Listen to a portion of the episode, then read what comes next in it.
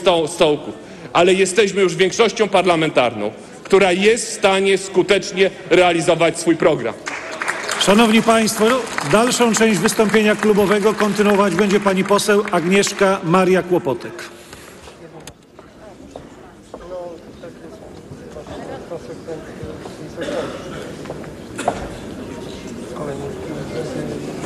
Szanowny Panie Marszałku, Wysoka Izbo, wszyscy zaproszeni goście. Jestem dzisiaj bardzo szczęśliwa i bardzo dumna, jako posłanka, jako kobieta, jako osoba, która ostatnie kilka lat pracowała na rzecz kobiet w województwie kujawsko-pomorskim i jako ta osoba, która namawiała kobiety do tego, żeby poszły do głosowania i te kobiety nam zaufały. I dzisiaj tym, że przyjmiemy ustawę o in vitro, spłacamy dług zaciągnięty wobec kobiet, które nam zaufały. Jako radna województwa kujawsko-pomorskiego i prezeska Stowarzyszenia Kobiety w Centrum złożyłam petycję w interesie publicznym do pana marszałka, aby samorząd województwa kujawsko-pomorskiego finansował procedurę in vitro. Ponieważ ta procedura jest finansowana przez niektóre miasta w naszym województwie, ale samorząd województwa tego nie robił. Ponad pół roku trwało, zanim cała procedura została przeprowadzona i w tej chwili, jesienią e, tego roku, podjęliśmy decyzję o tym, radni przegłosowali, że w województwie kujawsko-pomorskim samorząd będzie finansował procedurę in vitro. Mam nadzieję, że to się stanie. Ale dzisiejszy dzień jest dla mnie szczególnie ważny, bo jednym z moich e, wyborczych zagadnień, tematów było wsparcie kobiet i było przywrócenie procedury in vitro. Pracując z kobietami, spotykając się, rozmawiając z nimi, wiem, jak to jest ogromny problem, żeby kobiety, które nie mogą mieć dziecka w naturalny sposób, zdobyły pieniądze na to, żeby sobie pomóc. Społeczeństwo polskie się starzeje. Mamy coraz mniej dzieci, coraz mniej dzieci się rodzi. Jest to dla nas ogromny problem. A Prawo i Sprawiedliwość zatrzymało finansowanie tego, żeby 20% par, które mają problemy z niepłodnością, która traktowana jest już jako choroba cywilizacyjna, mogło o to dziecko się postarać. Posiadanie dziecka jest bezcenne. Nie można mówić, że brakuje na to pieniędzy, skoro są pieniądze wydawane na wszystkie inne możliwe dla Was rzeczy. Wydajecie je w niekontrolowany sposób, poza budżetem, a na to zabraliście pieniądze, na to, żeby Polki i Polacy mogli doczekać się upragnionego potomka. To jest okrutne i skandaliczne. I dzisiaj cieszę się, że będziemy mogli spełnić tę obietnicę wyborczą, że będziemy mogli dać rodzinom, które mają z tym problem, to szczęście. Bardzo serdecznie dziękuję wszystkim, którzy zaangażowali się w projekt obywatelski, którzy działali na rzecz tego, żeby in, procedura in vitro została w Polsce przywrócona i finansowana przez rząd. Liczę, że tak się stanie. Dziękuję bardzo. Wszystkiego dobrego. Bardzo dziękuję pani poseł. Szanowni państwo posłowie, za chwilę naszym obradom przewodniczyć będzie pani poseł, pani marszałek Dorota Niedziela. Ponieważ to jej debiut, dodajmy jej otuchy brawami.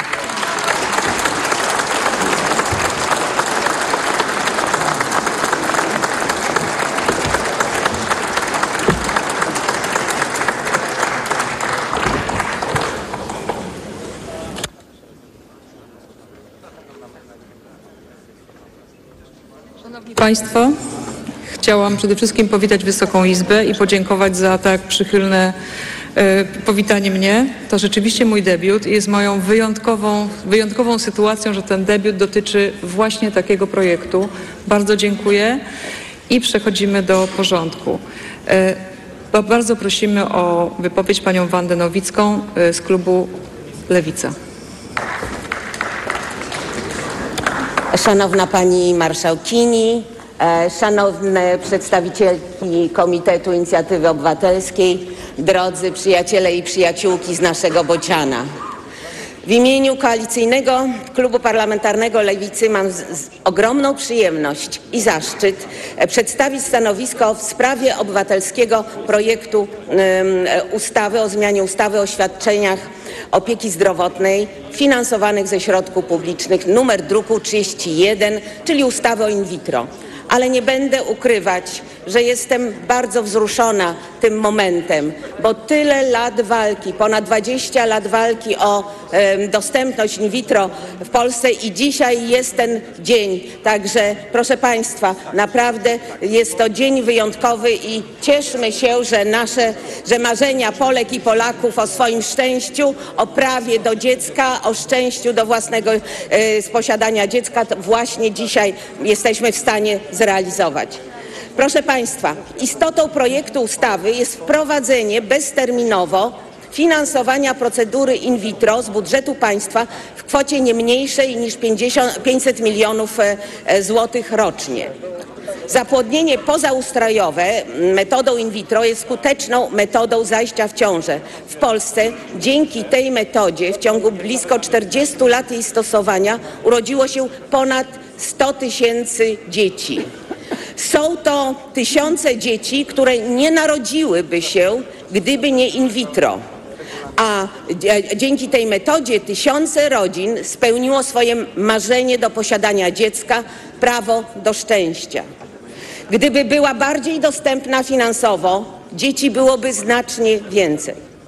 Co więcej, większa dostępność finansowa tej metody dla osób z problemem niepłodności może w znaczący sposób poprawić dramatyczną sytuację demograficzną Polski. Niepłodność stanowi wielki i rosnący problem społeczny i medyczny. Szacuje się, że 20% społeczeństwa, czyli blisko 3 miliony osób w Polsce choruje na niepłodność.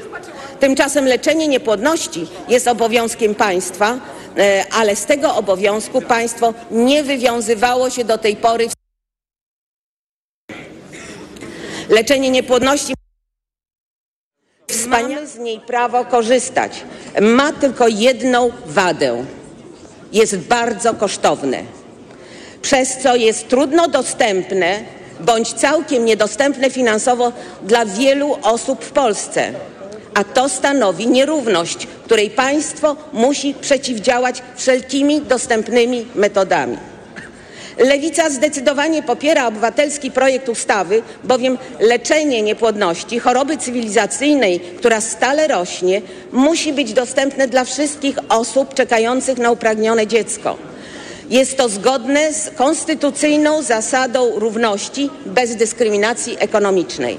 Trzeba przypomnieć artykuł 68 Konstytucji, który mówi: Obywatelom, niezależnie od sytuacji materialnej, władze publiczne zapewniają równy dostęp do świadczeń opieki zdrowotnej finansowanej ze środków publicznych.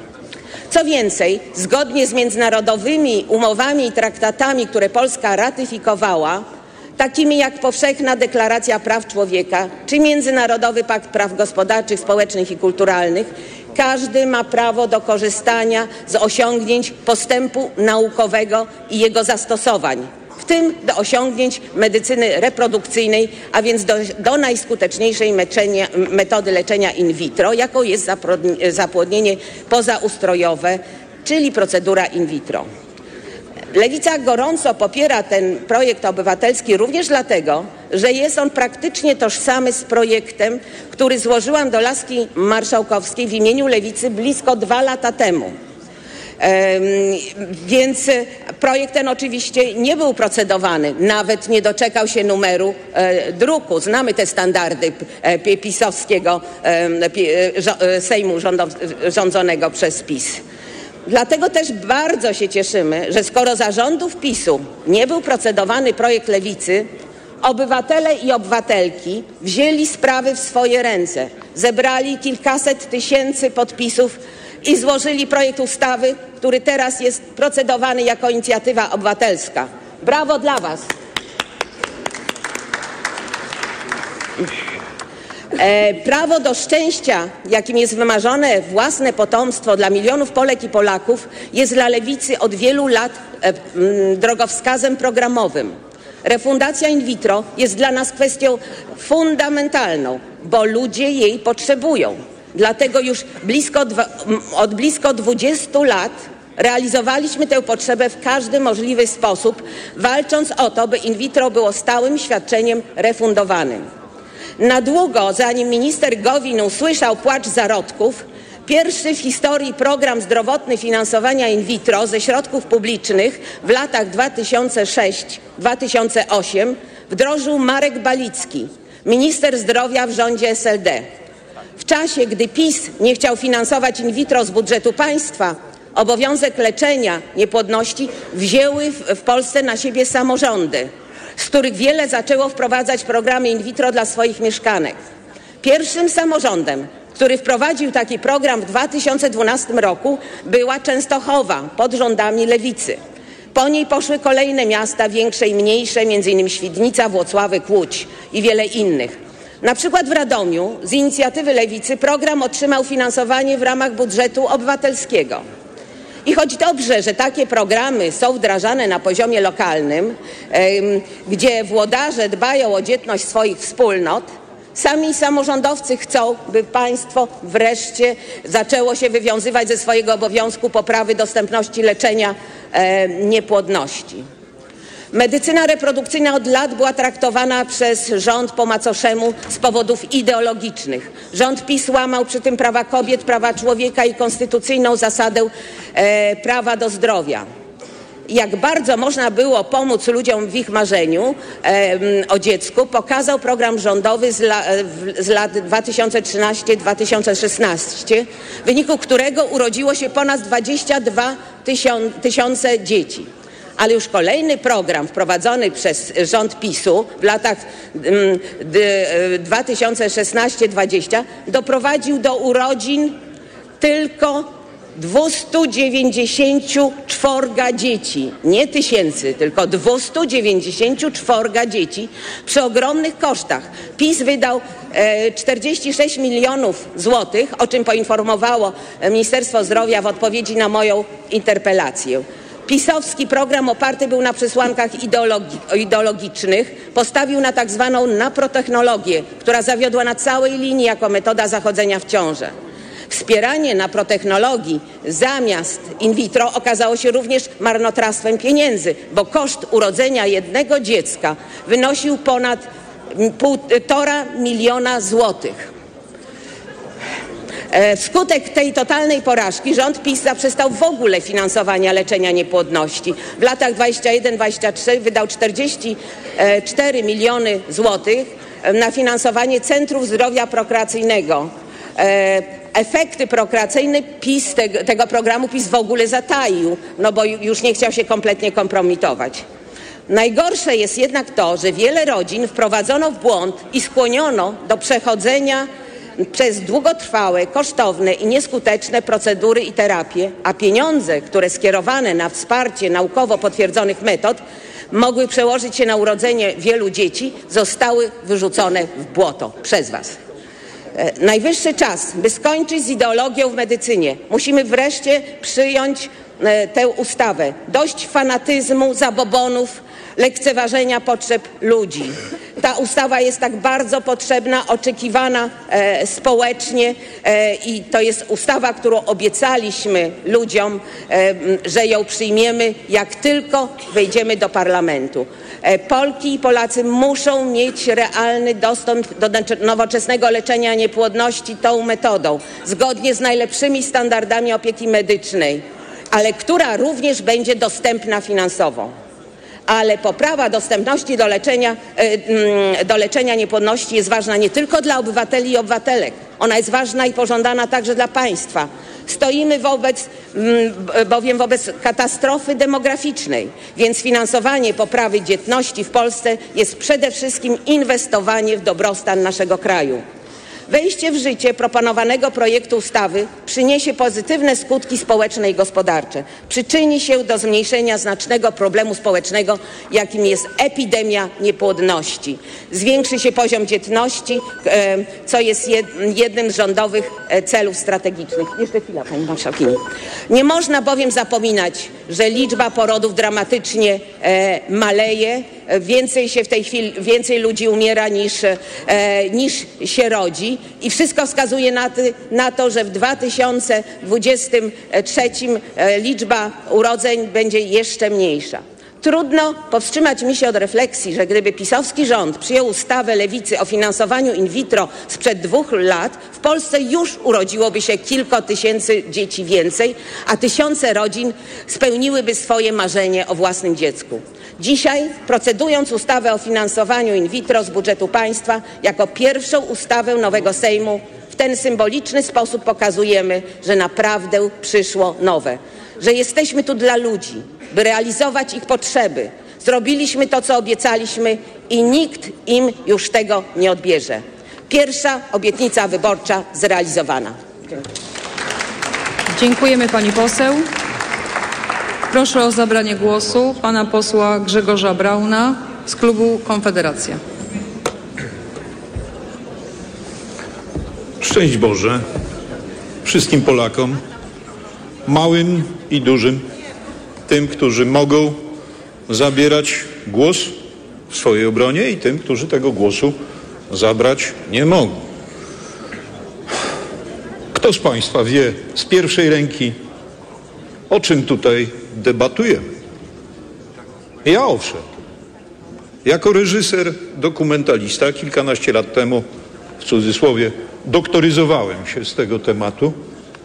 Miałem okazję, realizując zdjęcia do filmu, który Państwu usilnie, nieskromnie polecam, Eugenika w imię postępu. Miałem okazję spotkać ojca polskiego in vitro, pana profesora Szamatowicza, w Zagłębiu in vitro białostockim i widziałem, i widziałem, i widziałem tę selekcję dokonywaną na moich oczach, nie na rampie oświęcimskiej, to było małe szkiełko laboratoryjne. Dokonywał tej selekcji zootechnik.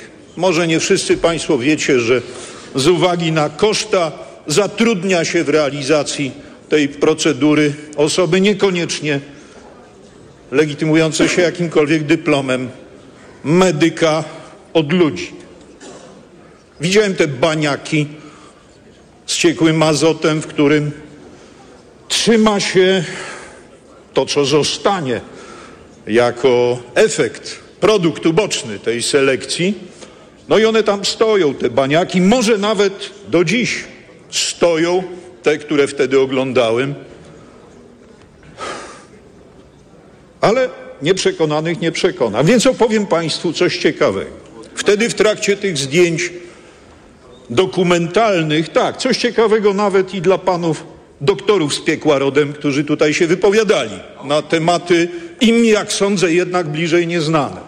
Otóż e, pewien przedstawiciel personelu medycznego, który przepracował lata pod profesorem Szamatowiczem i brał udział w tym procederze, a następnie, tak, nie bójmy się użyć tego słowa, nawróciwszy się i przejrzawszy na oczy, podjął ów przedstawiciel niższego personelu medycznego pracę w programie naprotechnologii. Jeśli pani poseł ma jakieś złe doświadczenia z tym programem, to może, to może mógłbym pomóc i, yy, i skontaktować z właściwymi ludźmi. Otóż, otóż ten pielęgniarz zwrócił mi uwagę na pewien fakt empiryczny. W takim mieście jak Białystok, powtarzam, Zagłębie in vitro, w PRL-u i post-PRL-u, no bo badania, które prowadziły do tego trwały lata, jest z konieczności ograniczona liczba dawców. Dawców czego? Gamet, gamet męskich i żeńskich, jak się to elegancko nazywa, a mniej elegancko, e, no to właśnie nie będziemy wchodzili w szczegóły.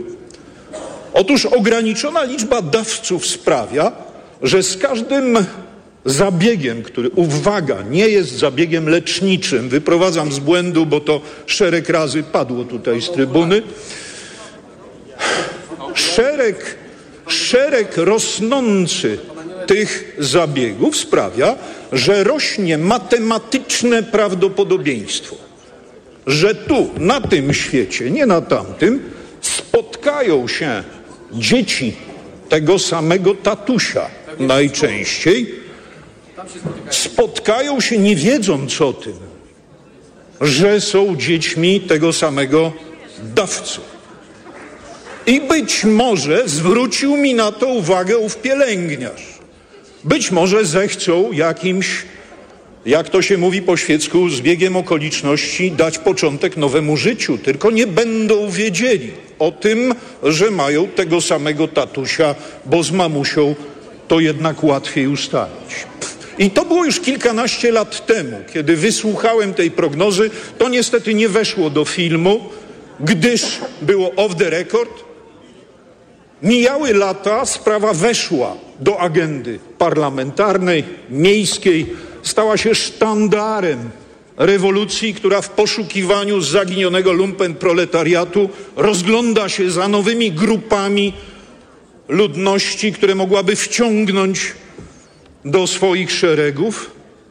Wzięliście to na sztandar, wy ludzie wielopokoleniowo już niestety reprezentujący mentalność eugeniczną, mentalność aborcyjną.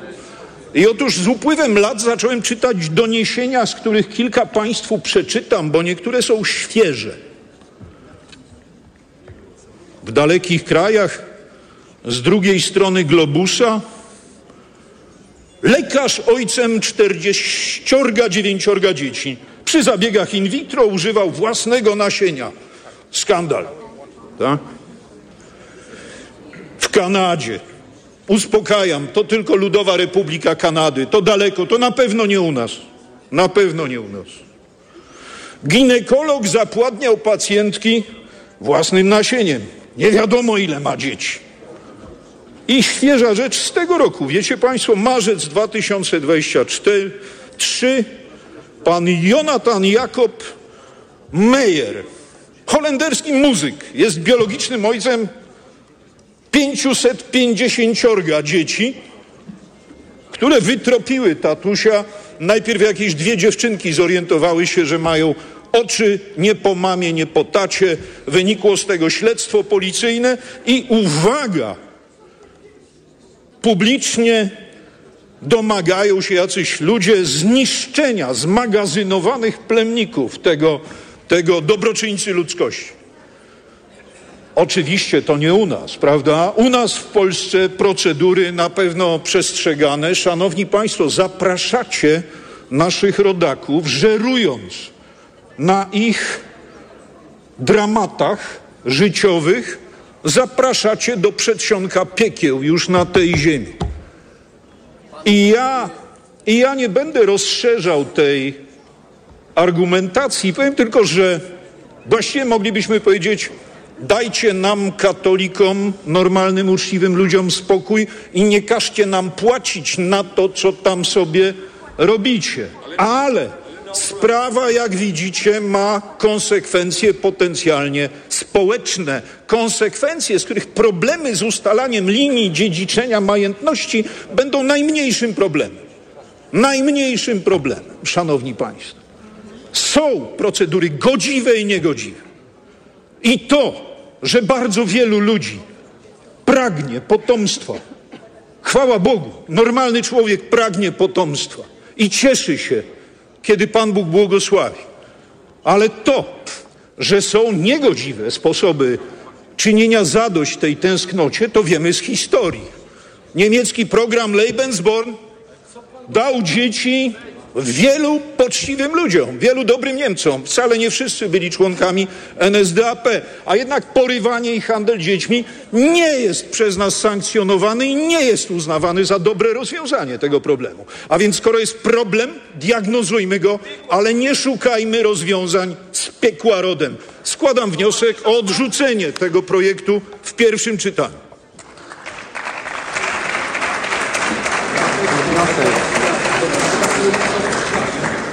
Proszę o zabranie głosu pana Konrada Berkowicza z klubu Źle. Konfederacja. Źle zaczynacie popierając ten projekt ustawy, bo ludzie idąc do wyborów mieli nadzieję na prawdziwą zmianę. a Wygląda na to, że zmiana będzie pozorna, bo projekt ustawy mówi tak. Dajmy określonej grupie na określony cel 500 milionów złotych. Przypomnijmy, co mówiła wybitna kobieta, polityk Margaret Thatcher. Mówiła tak: Nie ma czegoś takiego jak publiczne pieniądze. Jeśli rząd mówi, że komuś coś da, to znaczy, że zabierze je tobie, bo rząd nie ma żadnych własnych pieniędzy. Wy proponujecie nie dać coś komuś, tylko proponujecie jednej grupie ludzi zabrać w podatkach 500 milionów i drugiej grupie ludzi dać te 500 milionów. Problem polega na tym, że ta pierwsza grupa za chwilę też będzie na coś potrzebować pieniędzy, a zabraliście jej pieniądze w podatkach na ten program. Więc trzeba będzie tej drugiej grupie zabrać w podatkach 500 milionów i dać tej pierwszej grupie te 500 milionów tworzycie, uczestniczycie w systemie, który od wielu lat działa w Polsce, przerzucania pieniędzy z kubki na kubkę, a na przerzucaniu pieniędzy z kubki na kubkę nikt nie zyskuje, tylko tracimy, bo marnujemy pieniądze na system biurokracji, który to przerzuca i przy okazji to jest rozkradane, powoduje inflację i tak dalej. To, co trzeba zrobić, to co jeszcze kiedyś Donald Tusk jako liberał, jak jeszcze nie był socjaldemokratą, jak ogłosił, rozumiał, Trzeba obniżyć podatki, uprościć system podatkowy, pozwolić ludziom bogacić się i budować gospodarkę i wtedy będzie ich stać na, co, na to, na co potrzebują. Dziękuję bardzo. O głos, o głos poprosiła pani minister zdrowia, pani Katarzyna Sójka.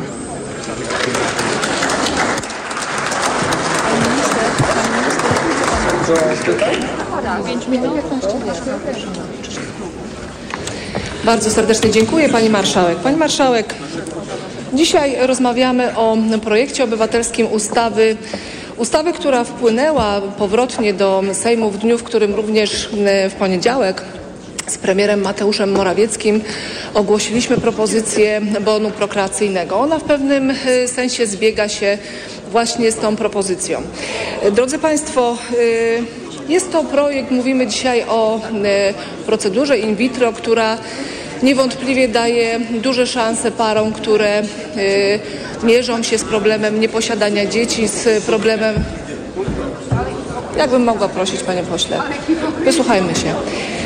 Która zbiega się z propozycją, która zbiega się z propozycją bonu prokreacyjnego. Ona daje szansę. Pani marszałek, jakbym mogła prosić. Bardzo proszę salę o y, uspokojenie się. Wysłuchamy pięć minut wystąpienia pani minister. Panie pośle, bardzo proszę. Uszanujmy, proszę szanować kobiety. Myślę, że będzie to mile widziane na tej sali. Drodzy Państwo, Drodzy Państwo, sama procedura in vitro y, daje szansę y, parom, które mierzą się z y, brakiem możliwości uzyskania potomstwa, na to, by, to potomstwo mieć. Szanowni Państwo, był program w, do 2016 roku, który właśnie traktował in vitro. W 2016 roku rząd Prawa i Sprawiedliwości wprowadził program szerszy, program, rządowy program prokreacyjny, który skupił się nie na samej procedurze, ale skupił się przede wszystkim na pełnej diagnostyce, na diagnostyce y, obu płci, y, mężczyzn i kobiet, na y, diagnostyce szerokiej, na leczeniu, leczeniu również chirurgicznym, leczeniu, które dzisiaj również jest, w którym zawiera się inseminacja. Natomiast ta ustawa, która już była kilka czy kilkanaście miesięcy temu tutaj w naszym Sejmie, ta ustawa jest bardzo ogólnikowa. Ustawa, która przez ten czas nie zmieniła swojej formuły, nie została doprecyzowana, a bezwzględnie tego wymaga. Chciałam powiedzieć, że ustawa i jakby ten projekt, on nie dotyczy samej procedury, która miałaby bądź nie być, funkcjonować w społeczeństwie, natomiast dotyczy samej refundacji. Bardzo dobrze wiemy, że kwestie refundacyjne są bardzo szerokie. Rząd Prawa i Sprawiedliwości w ostatnich latach dołożył wielkich starań, by wielkie projekty i wielkie potrzeby pacjentów zostały zagospodarowane. Pierwszym przykładem bardzo istotnym, takim całkiem niedawnym jest refundacja leków, leku najdroższego. Całkiem niedawno były ogłoszone, było było ogłoszonych wiele zbiórek. Zbieraliśmy na leczenie rdzeniowego zaniku mięśni SMA. Dzisiaj w Polsce jesteśmy jednym z pionierów, ponieważ nie dość, że refundujemy ten bardzo drogi lek, równocześnie refundujemy wszystkie leki, które traktują, które można stosować w tej chorobie. Dodatkowo mamy doskonałą medianę rozpoznania tej choroby, bo noworodki są badane w kierunku SMA. Jednocześnie mediana rozpoznania tej choroby to 14 dni i od tego momentu każde dziecko, rodzice dziecka, które ma rozpoznaną tą chorobę, może korzystać z wszystkich propozycji lekowych w tej trudnej chorobie. Oczywiście y, Refundacje ostatnich lat to refundacje innych chorób rzadkich, to refundacje, y, ogromne refundacje innych leków, również onkologicznych, całkiem niedawne y, tematy leku Enhert, y, czyli trastuzumab deruxtecan, leku, który jest przeznaczony dla pacjentek chorujących na raka piersi. Również ta refundacja została y, zrealizowana. Szanowni Państwo, inne projekty, które refundują w ochronie zdrowia to pełen fundusz medyczny, to y, to refundacje innych leków, właśnie szczególnie w chorobach rzadkich. Powstał plan dla chorób rzadkich, które państwo polskie refunduje. I dzisiaj w kontekście y, in vitro mówimy właśnie o tym, by ta procedura mogła być refundowana. Nie mam, ja osobiście nie mam wątpliwości, że, że pary potrzebują tej, y, tej procedury, że może być ona stosowana. W Polsce większość podmiotów, które, y, które wykonują taką procedurę, to podmioty prywatne. Natomiast sam projekt, który dzisiaj, obywatelski projekt, który dzisiaj tutaj trafił, projekt ten, drodzy Państwo, y, jest bardzo ogólnikowy. Nie podejmuje on bardzo wielu ważnych kwestii, które powinny w tym projekcie się, y, po, po, powinny być zawarte. Projekt ten mm, Projekt ten nie mówi o tym, co w razie tego projektu miałoby się stać z rządowym programem prokreacyjnym, programem, który kompleksowo traktuje problem niepłodności par w Polsce, który powoduje, jeśli mogę prosić jeszcze kilka minut, ponieważ były tutaj problemy, który y, diagnozuje również, który diagnozuje i kobiety i mężczyzny, który y, widzi też inne metody leczenia niepłodności. Myślę, że prawo wyboru i pomoc w tym wyborze i pomoc w realizacji tego wyboru y, parom w Polsce, którzy mierzą się z problemem niepłodności powinien być bardzo kompleksowy. Dlatego uważam, że mowa o tym projekcie powinna właśnie również te aspekty e, zawierać. Ja chciałabym tylko krótko e, kilka jeszcze informacji, ponieważ e, to, co powiedziałam, skupia się ten projekt jedynie na leczeniu niepłodności przy zastosowaniu jednej z metod leczenia, natomiast pod, pomija kompletne kompleksowość podejścia do leczenia par. Oczywiście mamy również e, e, ustawę o leczeniu niepłodności.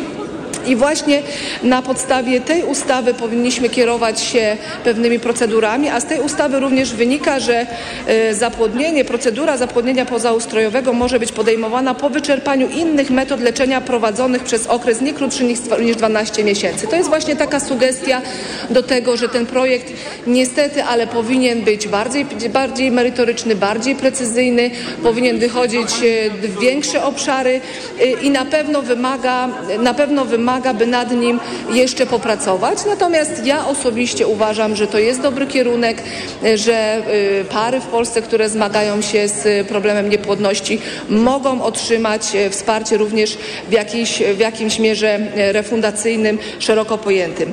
E, Właśnie dlatego Pani minister, niezwykle istotne jest, by ująć w tym programie, co zrobić z obecnie funkcjonującym rządowym programem prokreacyjnym. Dodatkowo, i to są kwestie takie czysto merytoryczne, projekt ustawy wyłącza konieczność skierowania programu, projektu programu do opinii Agencji y, Oceny Technologii Medycznych i Taryfikacji i myślę, że ta opinia akurat w tym projekcie jest niezwykle istotna. Projekt zakłada wydatki y, 500 milionów, natomiast nie precyzuje, jak miałaby wyglądać procedura, ile podejść y, dla pary y, miałoby być refundowanych, w jaki sposób y, procedura miałaby być, y, miałaby być, że tak powiem, przeprowadzona. Dlatego, Szanowni Państwo, warto, by ten projekt, który sama, sama intencja myślę, że jest właściwa, natomiast formuła jest zdecydowanie bardzo niedoprecyzo- niedoprecyzowana, dlatego uważam, że Pani minister, powinno się to proszę. zbiegać również z tą naszą propozycją bonu prokreacyjnego, ale przede wszystkim powinna tworzyć bardzo kompleksowe podejście do problemu niepłodności par. Bardzo dziękuję. Dziękuję bardzo. Wysoka Izbo, przechodzimy do pytań. Ustalam czas na zadawanie pytań dwie minuty. Do, do pytań, proszę Państwa, zapisało się 83 osoby. Zamykam listę. Proszę bardzo o przestrzeganie czasu. Musimy zachować naprawdę szacunek do wszystkich, którzy chcą przemawiać.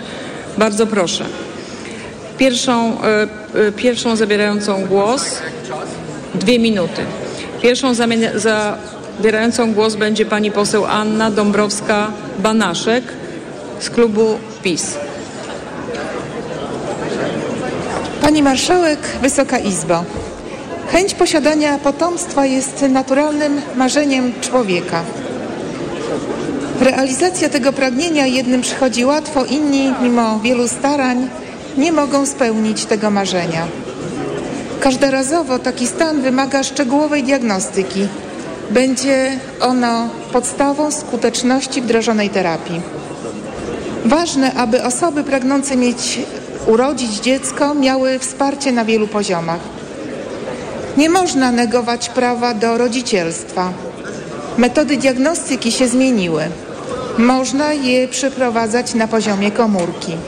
Ważne, aby każdy miał jednakowy dostęp do świadczeń i dogłębnej diagnozy.